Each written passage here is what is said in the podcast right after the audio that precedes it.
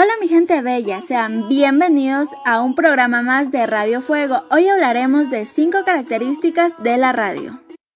Como primer punto tenemos el sonido. Este permite comunicarnos a través de la voz y audición. Sin sonido no existiría la música y peor la radio. El sonido siempre ha estado presente en nuestras vidas. Aquí presentamos una canción para que tus oídos se deleiten con esta hermosa melodía titulada Procura de Chichi Peralta.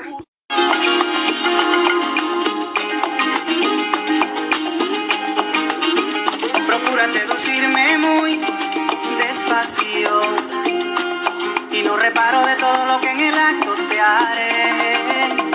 Procura caminarme ya como la del mar y te aseguro que me hundo para siempre en tu rodar.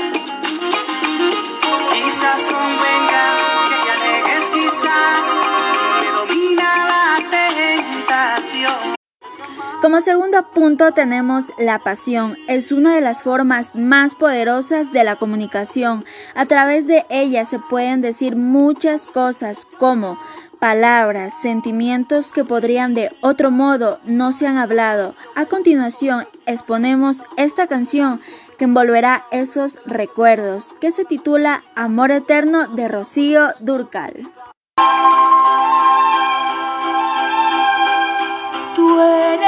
La tristeza y de mis ojos que lloran en silencio por tu amor. Me miro en el espejo y veo en mi rostro el tiempo que he sufrido por tu adiós. Obligo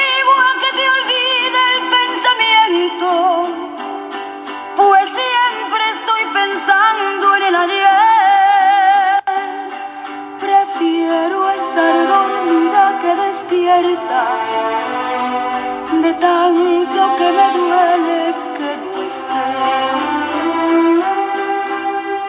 como quisiera.